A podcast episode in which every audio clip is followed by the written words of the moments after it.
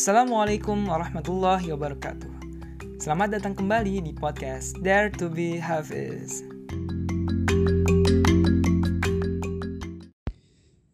أعوذ بالله من ar-rajim.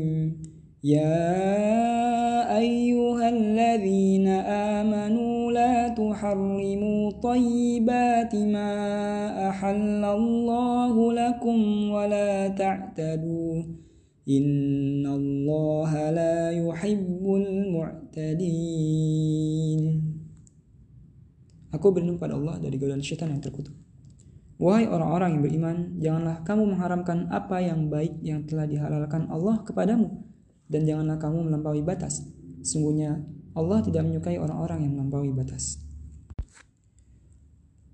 وَكُلُوا مِمَّا رَزَقَكُمُ اللَّهُ حَلَالًا طَيِّبًا وَاتَّقُوا اللَّهَ الَّذِي أَنْتُمْ بِهِ مُؤْمِنُونَ Dan makanlah dari apa yang telah diberikan Allah kepadamu sebagai rezeki yang halal dan baik, dan bertakwalah kepada Allah yang kamu beriman kepadanya.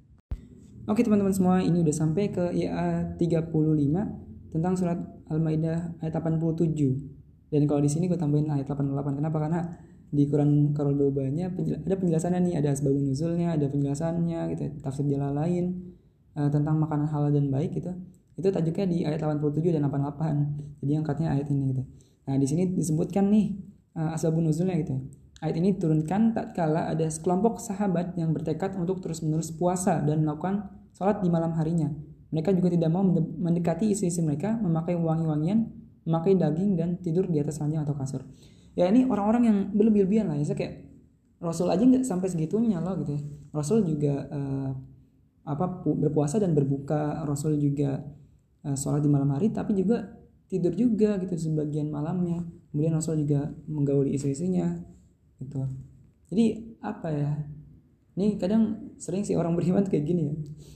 Kadang saking saking semangatnya tuh sampai berlebihan. Ya ini juga nggak boleh ya.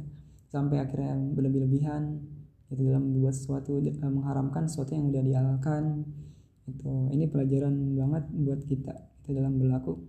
Ya sewajarnya aja apa yang yang udah sesuai dengan yang Allah perintahkan sesuai Nabi sabdakan dan contohkan gitu ya ya mungkin termasuk salah satunya ketika ya baca Quran gitu.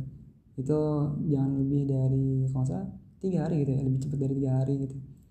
Ya jangan juga jadiin alasan buat oh iya gitu kalau baca Quran tuh ya nggak usah cepet-cepet gitu nggak usah hatamnya nggak usah buru-buru. Ya nggak gitu juga gitu. Itu mah buat kita karena kita malas aja kayak kita nggak mampu gitu untuk baca Quran tiga hari cepatnya gitu. Jadi itu tameng ya buat kita itu uh, hadis itu tapi jangan salah lah kalau di hadis tentang uh, menghatamkan Quran itu juga kan ada maksimal kalau empat 40 hari gitu ya kalau lebih dari itu atau mungkin ada bilang dua bulan. Kalau lebih dari itu ya kita dianggap udah melalaikan Quran gitu ya. Oke okay, ini agak menyimpang jauh gitu bahasannya tapi penting sih buat kita gitu. Uh, buat nggak berlebih-lebihan dalam melakukan sesuatu juga nggak nggak ini ya nggak nggak mengundur-undurkan banget gitu ya. Kita berada di pertengah-tengahan lah gitu ya. Gitu. Assalamualaikum warahmatullahi wabarakatuh